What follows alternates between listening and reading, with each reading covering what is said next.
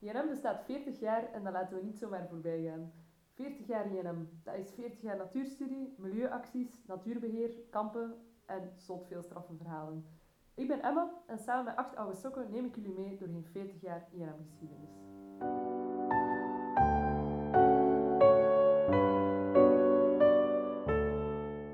Vandaag hebben wij uitgenodigd Gert Arijs en Jonas Dreesen. Gert Arijs was actief in de eind jaren 90, begin jaren 2000. Zat in afdeling Serenbos. Heeft uh, onder andere de NFWG, dus de Natuurstudie Fotografie Werkgroep, opgericht. Uh, Spinicornis uh, was ook actief in de Vieze Beestjes werkgroep die toen bestond. Um, en daarnaast hebben we ook nog Jonas Dreesen, die ook eind jaren 90, al begin jaren 90 tot begin jaren 2000, actief was in JNM zat in afdeling Zuidwest-Brabant. Uh, en heeft van alles en overal een beetje gezeten in de INM. Van de werkkampen tot de samba-bands in de milieuwerkgroep tot nog van alle andere dingen. Uh, zij hebben veel verhalen, zij hebben veel kampen gedaan, veel weekendjes gedaan. Maar dat horen we natuurlijk graag van jullie zelf. Gert, vertel eens, hoe ben je in de INM terechtgekomen? Ik uh, was actief in het vogelasiel van Malderen. En er was open deurdag en ik was daar dus aanwezig om het vogelasiel te vertegenwoordigen. Maar er was ook een standje van JNM. En ik wist wel dat dat bestond en dat die daar hun vergaderingen deden en zo, maar meer wist ik daar eigenlijk niet van. En toen heb ik eh, gebabbeld met iemand eh, van JNM toen. En die heeft me daar toen een beetje ingepraat. En dan ben ik eh, actief geworden, eerst in Serenbos en daarna ook nationaal. Oké, leuk. Jonas?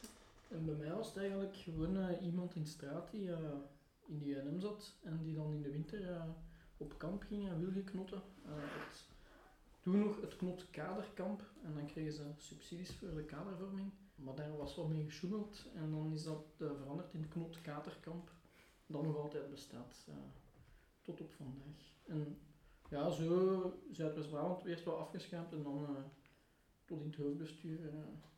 ik denk dat ik u ook heb leren kennen op zo'n knotkaderkamp.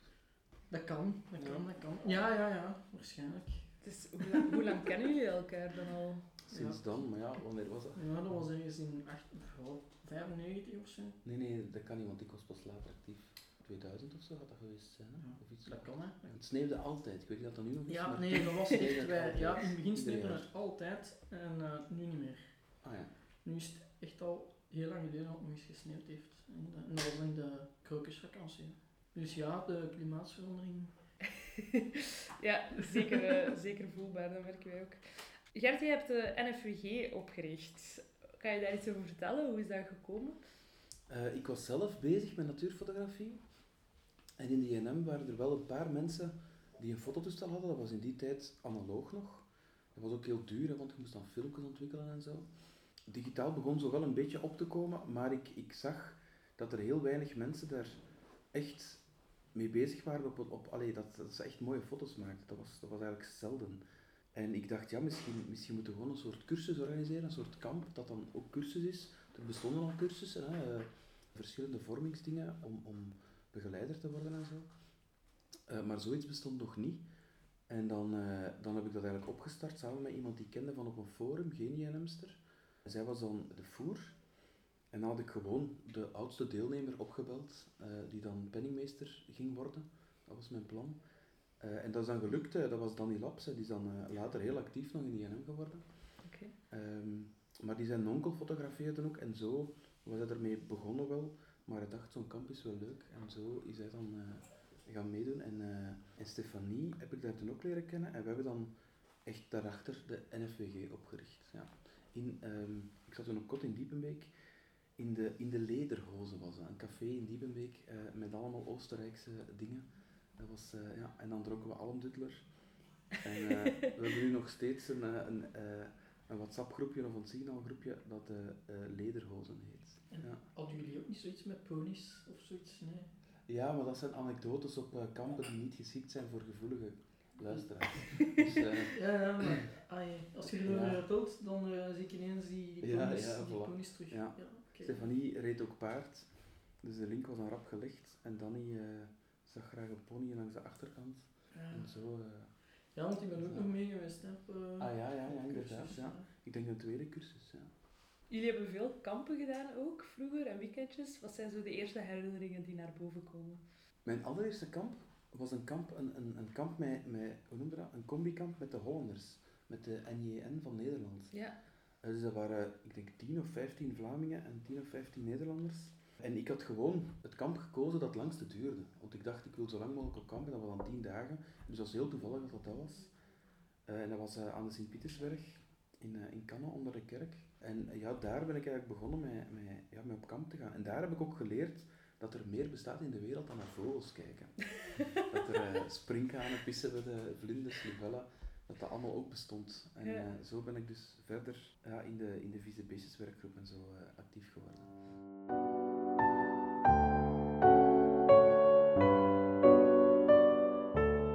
Wat zijn de herinneringen die bij jou naar boven komen als je aan kampen denkt? Ja, allee, bij ons was dat echt, eh, het grotkaterkamp, dat was echt eh, ja, iets om naar uit te kijken. Hè. En daar gebeurden wel altijd ongelukken en dat was wel altijd spectaculair. Dus dat was zo het eerste dat wij dan deden. En dan eh, ja, de katers, eh, dat, ik denk dat dat ook nog bestaat in september. Daar ben ik ook wel meermaals beland, zo na mijn examens. En dan die congressen, dat wintercongres. En, Ja, want bij jullie was dat nog een wintercongres. ja, ja, dat was Bij een wintercongres met, een, met een eigen zomercongres. kok, ja, de Vieze noemde die. Eh, En dat was in een school altijd, hè? Dat was altijd in een school, Ja, ja. Ik hoorde ook dat er tijdens het wintercongres, ja, dat was voor sommige JNM'ers ook een blok. JNM'ers moesten soms studeren voor hun examens Ja. en dat er dan altijd een ruimte werd voorzien waar JNM'ers konden studeren tijdens het congres. Dat was, eh, dat was voorzien, maar ja. Ik kan me dat precies niet herinneren. Of, of werd dat niet zo vaak dat was gebruikt? ja, maar ik denk eerder eigenlijk om uit te rusten. Zo, Ja. Mensen liggen daar dan in matchen en dan gingen ze daar slapen een rustoord. En dan zo toch het gevoel ge- hebben van ja, ik heb wat gestudeerd, maar eigenlijk heb je daar dan drie uur geslapen. Dus. Ehm, ja, en dan die zomercongressen. Hè. Dan was dat zo de omschakeling. Veel tegenstand. Ja, ja, want de traditie werd doorbroken. Hè. Het was, eh, hoe lang is het wintercongres geweest? Echt 23 jaar of zo. Eh, en dan daarvoor, bij de wielerbaljongen misschien ook, dat weet ik niet. Dat was de jaarommekeer, noemde dat dan. Dat was heel, eh, dat was heel moeilijk om dat er door te krijgen. Ja, dat want je moest nog. dan een keer je jaarplanning herzien. En je, Ja. Want het jaar begint dan in plaats van in januari, was het dan, ja, ik weet niet, het werkjaar begint dan in september of, Ja, ja, in september, maar toen waren die startdagen in januari, denk ik. Ja, dus Nee, dat- dat was ook in september. ja, Maar, maar het financiële eh, gedoe met alle subsidies en zo, dat startte altijd in januari, dus dat was logisch. ja Om allee, ik dan weet met een dat nieuw zo, bestuur te beginnen en zo. Er was wel een hele commotie rond, ja, met dat omdraaien van die data. Ja. Dus jullie hebben zowel winter- als zomercongres meegemaakt. Wat waren zo, eh, veranderde dat de sfeer? Waarschijnlijk wel, omdat het ene en binnen en het en andere ook buiten eten, was. Allee, dat veranderde echt alles. Ja, hè, want ja. Wij hadden toen zo hutspot en al van die dingen. Ja, Allee, ja, dat- op een zomercongres moet je daar niet mee afkomen. Hè. En, en zo ook, slaatjes om tomaten zat er toen niet in op het congres. Dat was echt, zo echt van, Ja. die, van die hete, ja, kokende, dampende Ja. dingen. ja.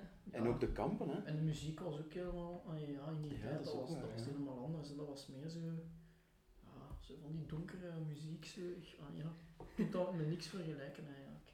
Ja, en, en het was dan ook vroeg donker, het was dan veel kouder en zo. Het was dan in gebouwen, ook helemaal anders. Eh, en wij hadden dan schrik van, ja, ons, dat wil zeggen dat er in de zomer een periode is van, van een week dat je geen kamp kunt organiseren. Of niet op kamp kunt gaan. Ja, Dus dat was, dat was toen heel controversieel natuurlijk. ja, ja. inderdaad. Ah ja, normaal werd je vrij om je kamp te plannen ergens in de zomer. Maar ja, dat, dat ging toen niet meer. Mhm, mhm. Jullie hebben ook wel het een en het ander meegemaakt op die kampen. Kunnen jullie daar iets over vertellen? Straffe verhalen? Ja, wel, wij hebben eigenlijk een gemeenschappelijke straffe stoot. eh, maar ja, jij hebt dan eigenlijk eerst nog een andere verteld, denk ik, op uw eh, congres. Nee, ik heb, ik heb die verteld, ja. Want je hebt eerst verteld dat je, je strafste verhaal was dat je op eh, een of ander weekendje of zo alle rozijntjes uit de cornflakes hebt opgegeten en dat dat je strafste verhaal was.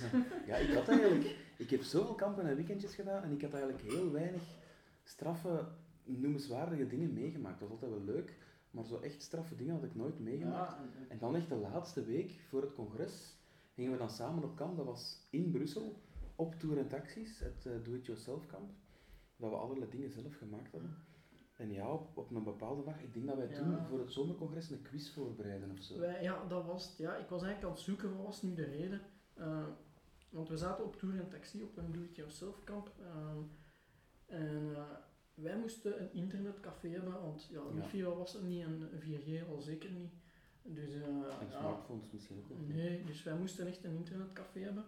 En wij hadden zo twee een fluorescent aangetrokken en met van achter zo'n schietschijf opgetekend. En daar stond zo op, neem tegen oorlog. Met dat fluorescent op onze rug zijn wij dan naar een internetcafé gegaan en in terugkomen. Hoorden wij een ik weet niet hoe luide knal. En dan tussen ons en een inslag op een muur. En wij, wij keken naar elkaar. En wij, wij zijn toen achter een betonnen dingen gedoken. En zo hebben ze op ons geschoten. Ja, dat was... Effectief. ja. Ja, en dan hebben wij de hulpdiensten gebeld. En dan hebben er achteraf nog andere deelnemers in de tent gezeten met kookpotten op hun hoofd om zich te beschermen tegen eventuele kogels. Maar eh, we hadden al wel in de voormiddag helikopters zien vliegen en zo over dat terrein. En natuurlijk zwaailichten, mij, dat is echt centrum Brussel. Dus dat was niet zo gek. Eh, maar ja, dan zijn de commies gekomen en zo. Eh, we hebben dan eigenlijk niet veel meer kunnen vertellen. Wij fietsten achter elkaar, ik weet nu niet meer wie dat eerst fietste. Maar die kogel is tussen ons gevlogen. We hebben dat echt horen vliegen en dan een inslag op die muur. Ze hebben een schot gehoord vandaar, zo'n groot braakliggend terrein. Tussen ons die kogel gehoord en een inslag op de muur. Dus wij, wij, wij waren eerst verbaasd van, ja, zijn wij nu beschoten? En dan drong dat langzaam zo door van, ja shit, we zijn echt beschoten. Ze denken, ja, ze dachten misschien dat wij, dat wij politie waren omdat wij zo'n hesje aan hadden. Ik denk dat het toen die schietschijf kwam op onze rug. Ja, want geen idee, ja. Ja, en toen, ja, toen heb ik een ambulance gebeld. En dan, ah ja, op de 112. En, eh, en dan zijn ze met een helikopter afgekomen. En dan zeiden ze, ja, ja wij zien ja. jullie. En wij, ja, wij zaten daar achter zo'n betonnen, betonnen plaat. En een beetje later is er dan zo'n combi op terrein gekomen.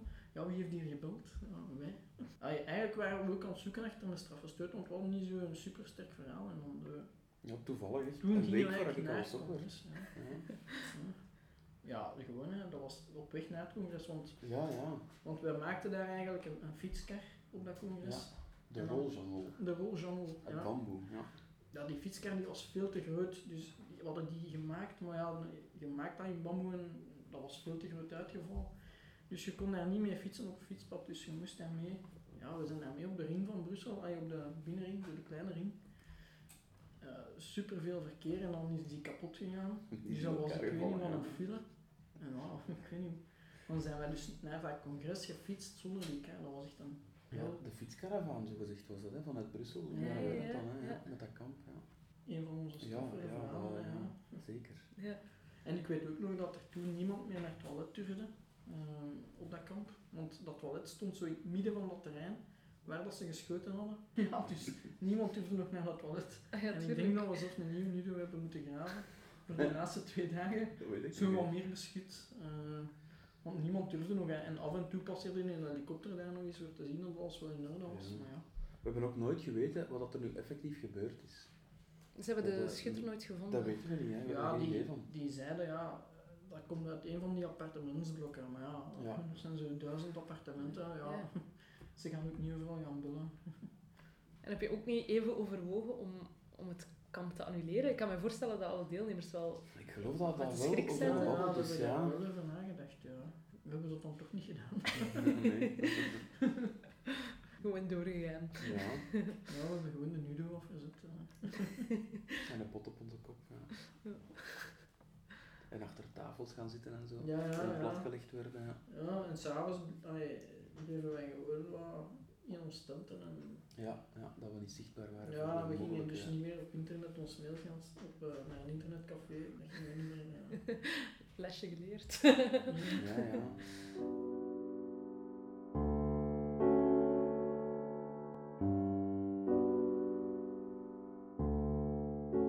Maar wel een hele toffe locatie voor op kamp te gaan.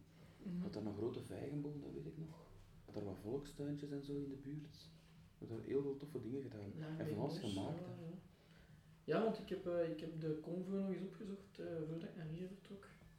En eh, daar stond op wat we allemaal gingen doen, maar uiteindelijk, buiten die fietskar maken, hebben wij niet zoveel Ja, gedaan. wel, ik kan me ook niet herinneren wat dat er allemaal ge- gebeurd of gemaakt is.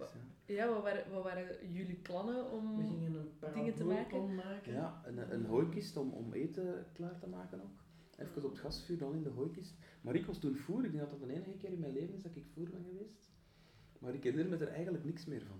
Alleen dat mijn bestellijst aangepast is door een aantal dames die vaker voer waren geweest. Er niks van dat we het er gemaakt hebben of zo. Nee, echt. Ik denk dat wij gewoon een week aan die viskar gewerkt hebben.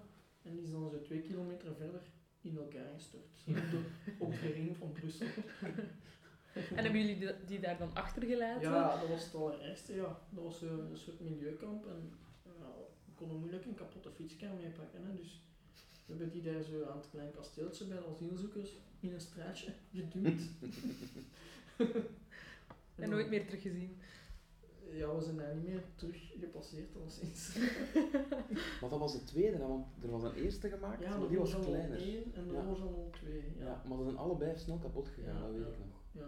Kijk, dus als er eh JNM'ers uit Brussel aan het luisteren zijn en eh, je vindt nog restanten terug van een fietskar, dan weet je bij deze van waar, eh, van waar het komt. Gert, je hebt ook Spinicornis opgericht. Hoe is dat tot stand gekomen? Ja, maar dat was een stuk na die NM-tijd. Ik was zelf op mijn allereerste kamp dan getriggerd door Pissebedde, omdat er een Nederlander, eh, Jelle Tienstra, die was, eh, die was daarmee bezig. En dat was eigenlijk heel interessant. En ik vond dat vooral interessant omdat er niemand anders naar keek. Eh, ik was dan al ineens, was er meer dan vogels, hè, vlinders en, en libellen en zo, sprinkhanen. En dan zelfs Pissebedde, dat vond ik echt fascinerend. En ik heb toen het boekje gekocht, dat toen net uit was, maar ondertussen dus al sterk verouderd is. Eh, het enige dat er toen bestond in Nederlands, denk ik, over pissebedden. En mij toen een beetje mee bezig gehouden, maar, maar nooit heel ver gekomen. Maar dan, eh, zoveel jaar later, eh, deed Paliter de Smet onderzoek voor zijn doctoraat naar allerlei bodemdieren, onder andere pissebedden. En hij had zo wat mensen gezocht die hij kende van in die NM, die NM ook geïnteresseerd waren in, in kleine beestjes of in pissebedden. En zo zijn we met ons vier samengekomen voor een op oprichtvergadering eigenlijk in mijn living in Gentbrugge. En dan hebben we daar toen Spinicornis opgericht. Dat was in 2014, denk ik. Ja. Ja, nog vrij recent. Maar ondertussen is er ook zelfs een boek uitgekomen. De ja, ook al drie jaar geleden. ja. Verspreidingsatlas. Ja, ik heb die Ja. zien liggen van Stijn. hè. Ah ja, ja, Stijn heeft dat gedaan. Ja, ja, ja. Boek met heel België geïnventariseerd. Ja. Toch eh, een mooi voorbeeld van hoe JNM nog verder leeft, een beetje in jullie verder leven. Zijn er nog zo dingen die jullie hebben meegenomen uit JNM? Ik denk, ja, vooral het... eh, ah ja, ik sta nu voor een stuk in het onderwijs. En eh, ik denk zo het, het communiceren en zo van alles op de computer doen. En dat ik daar wel merk dat die heel hard geholpen heeft in mijn verder leven ook. Eh, als ik zo zie wat de jeugd tegenwoordig communiceren en hoe dat die schrijven en hoe dat die... dan denk ik, ja, als je in INM zit, moet je toch wel wat mails sturen of als je zo een beetje een functie hebt. Eh, ja, Je, je leert wel ja, organiseren. Ja, en ik maak dan ook, ook een boekje, eh, een afdelingstijdschrift, en dat was bij ons een bladluis. Maar ik denk dat die niet meer bestaat. Eh, maar dat was toen, ja, dat was eigenlijk een helswerk, hè, want ja, er was nog echt geen internet. Dus dat, dat kwam dan bij mij in mijn brievenbus toe en dan moest je daar foto's van pakken en diskettes en met plakband en dan moest je daar mee naar een drukker en dan, ja, soms kreeg je wel dingen per mail, maar ja, dat, dat, was, dat was heel anders dan nu. Hè. En in Word layouten in die tijd. Ja. Ja, ja, maar Word dat deed ik niet. Hè. Dat was de Adobe PageMaker. Ah, ja, ja. Toch wel buiten de natuur nog andere dingen geleerd ook. Bij mij eigenlijk ook een beetje. In mijn job, ik, ik, eh, ik ben gids voor, eh, voor scholen, voor schoolkinderen die iets komen leren in de natuur, over de natuur. Maar dat is eigenlijk echt een verlengde van, van wat dat ik op kamp leuk vond en deed. hè. Mhm. Eh, natuurstudie met anderen en dan dingen uitleggen en tonen en, en, en zoeken en, en determineren en zo.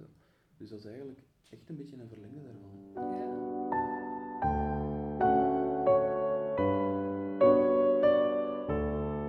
Wat zijn jullie mooiste JNM-herinneringen? Ja. Ik heb er op voorhand over nagedacht, maar ik heb eigenlijk tot niks gekomen.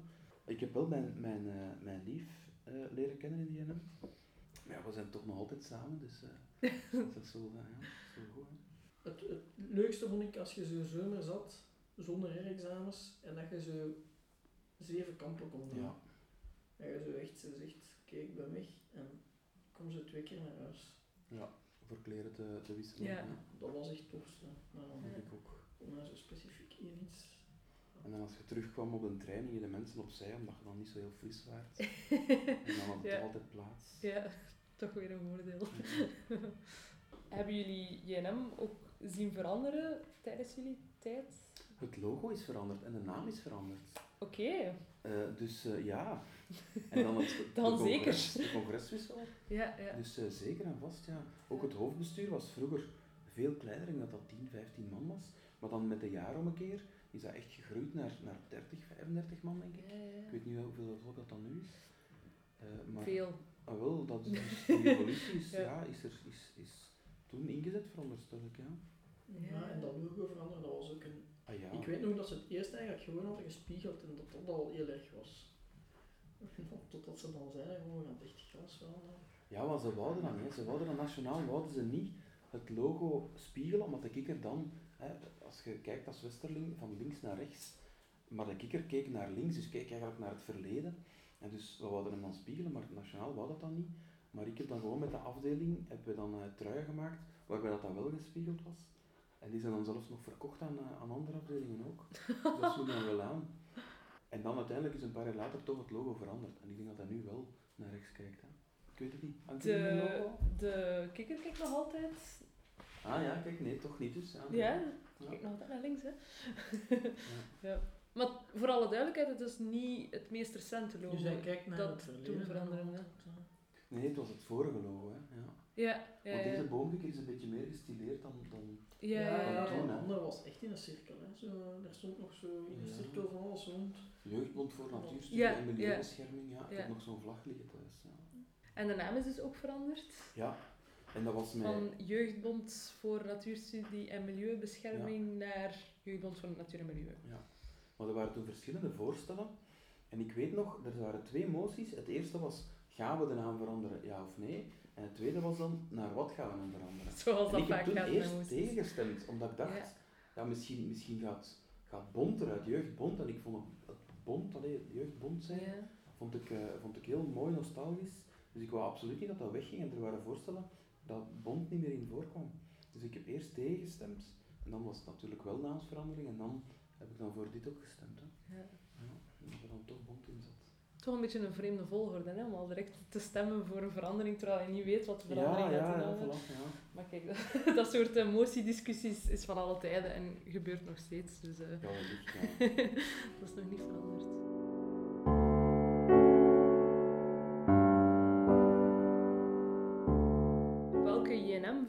Ben je het meest trots?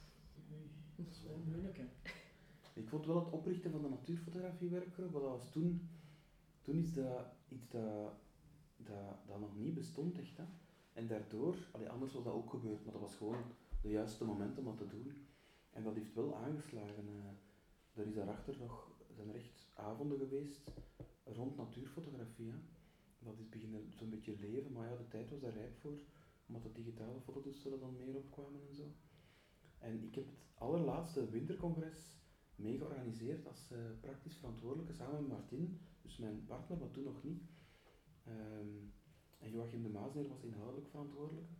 Maar ja, dat was wel het laatste wintercongres. Ja, Dus ja. dat was, eh, was toch symbolisch, dat was toch tof. Ik vond dat toch, En was er direct daarna dan een zomercongres? Of Ik heeft denk het dat een wel, jaar nee, ik denk dat dat dan een half jaar tussen was.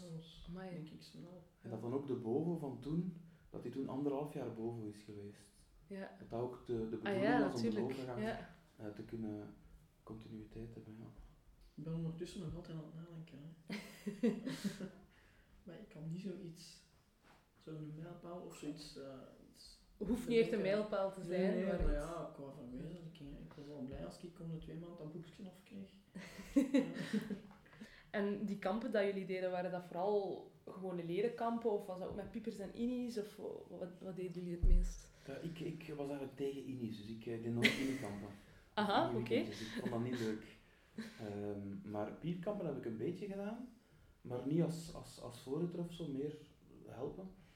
Ehm, en ik heb vooral heel veel natuurstudiekampen gedaan. Want werkkampen, ik eh, ben van nature niet zo, eh, niet zo, niet zo actief. Eh, ik zie Oliver al lachen. Ehm, dus, dus werkstudiekampen, dat ging nog wel. Maar echt werkkampen heb ik eigenlijk nooit gedaan. Wel zo een keer een dag op bezoek gaan, de dag dat er een natuurstudie werd gedaan. Maar het was echt vooral natuurstudie bij mij. En dan Ja. fotografie een beetje.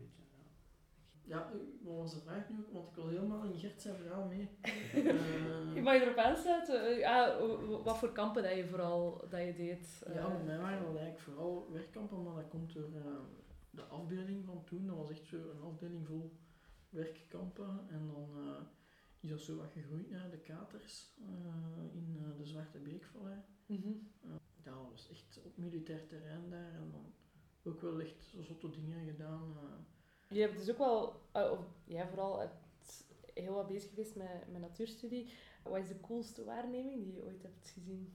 Oeh, dat is een moeilijke vraag. hè. Ik stel alleen maar moeilijke vragen. Die zoetwaterkwal? Ah, ja, ja, Ja, ja. zo'n zoetwaterkwalletje. Nee, nee, geen kwalletje tripsen. Ja. Maar eh, ik heb dat toen niet kunnen determineren, want ik ken dat niet. En eh Leen en Thomas hebben dat toen gedaan. Ehm, dus een soort, je kent de, de, horseshoe crabs vanuit Amerika, dat zijn zo een soort zeebeesten die eruit zien als een paardenhoef met een staart, maar die zijn redelijk groot. Maar er bestaat dus ook een soort mini-versie van, ik weet eigenlijk niet of die gerelateerd zijn. En die in uitzonderlijke omstandigheden komen die massaal tot, tot, ja, tot, tot ontwikkeling. Die eitjes kunnen heel, heel, heel lang overleven. En toen was dat op het, denk ik, het kleinschietveld. Ehm, ik denk dat dat in de zomer was en ik had toen herexamen. En ik was dan tussen twee herexamens een paar dagen op kamp geweest. Ik denk dat dat toen was. Was En- dat ook niet zo'n discussie van, ja, was dat de eerste in België of... Omdat dat zo... Het, Dat weet ik niet het- meer. Het water was ook een stuk in Nederland. Dus ja, de vraag was... Ah ja, dat kan wel. ja, dat weet ik niet meer. Allee, ik denk toch dat we hetzelfde hadden. Maar dat was, ja, dat was wel echt super cool, maar ook heel raar omdat we geen idee hadden wat het dat was of zou Mhm. kunnen zijn. Omdat het ook zoetwater was hè, en die, die degenkrabben zijn dan in, in zoutwater. Maar eh, ik vond ook eh, een van de allerleukste dingen, vond ik de ontdekking, met Spiricornis was dat dan wel, van de gladde pissebed. Mhm. Omdat daar hebben we heel hard naar gezocht. En de laatste locatie waar we er ooit gezien waren, ergens in, in provincie Luik was dat. Ja, we gingen daar naartoe. Iedereen ging op het kerkhof kijken, omdat kerkhoven altijd interessant zijn voor pissebedden. Er was zo'n paardenstal waar dat die ooit gezeten hadden, maar die was helemaal gemoderniseerd. Dus we dachten, ja, dat gaat hier ook weer niks worden. Ik was dan gaan bellen aan de deur, gevraagd, ja, mogen we hier naar pissebedden kijken? In de stal. Ja, dan moet dat mijn vader vragen, want die is heel oud, 84 of zo was hij toen. Bij die vader gebeld, die oude man slof, slof met mij mee naar de stal en er was dus ook een oud deel. En daar tussen de paarden stond, hebben we dan één, één gladde pissebed gevonden. Ehm, maar dat bleek dan een zwanger vrouwtje, dus ik heb nog steeds nakomelingen daarvan. Dat is dan een beetje post-JNM. eh, Ja, natuurlijk. het is oké, telt ook mee. Ja, onze INM was een heel andere INM dan nu. Ehm, nu moet er op een kamp waarschijnlijk elektriciteit zijn om gsm's te kunnen opladen. Meestal wel, In, ja. in die tijd was er soms aan de trick bij een boer om de kamp gsm op te laden. Maar heel veel andere dingen zijn ook veranderd. Hè. Eh, maar Determineren al om te beginnen. ja, Allee, ja. dat kan mij inbeelden dat iedereen nu met zijn gsm staat en iedereen trekt foto's van als er iets speciaals is. Maar ja, dat was bij ons wel anders. Hè. Ja, helemaal anders. Hè. Ik denk ook een beetje albolliger en primitiever en zo. Eh, maar een paar jaar nadat ik oude sok was geworden, vond ik al dat DNM veranderd was. Ik had, er ook, ik had het ook niet meegemaakt. Ik moest dat dan van op een afstandje zien. Dus ik heb dat altijd eh, positief gevonden, hè, want DNM ja, moet ook evo- evolueren. Hè. Eh, maar de leeftijdsgrens is dan veranderd. Hè. Het is dan tot het jaar dat je 26 wordt. Ja, Ja, want dat ja, was ik kon eigenlijk... Ik vond dat vreselijk. Vond dat eigenlijk, eerlijk. ik was tof. sok geworden en dan kon ik zo stemmen van, mag ik nu nog volgend jaar terug sok worden? Of, ah je keihard.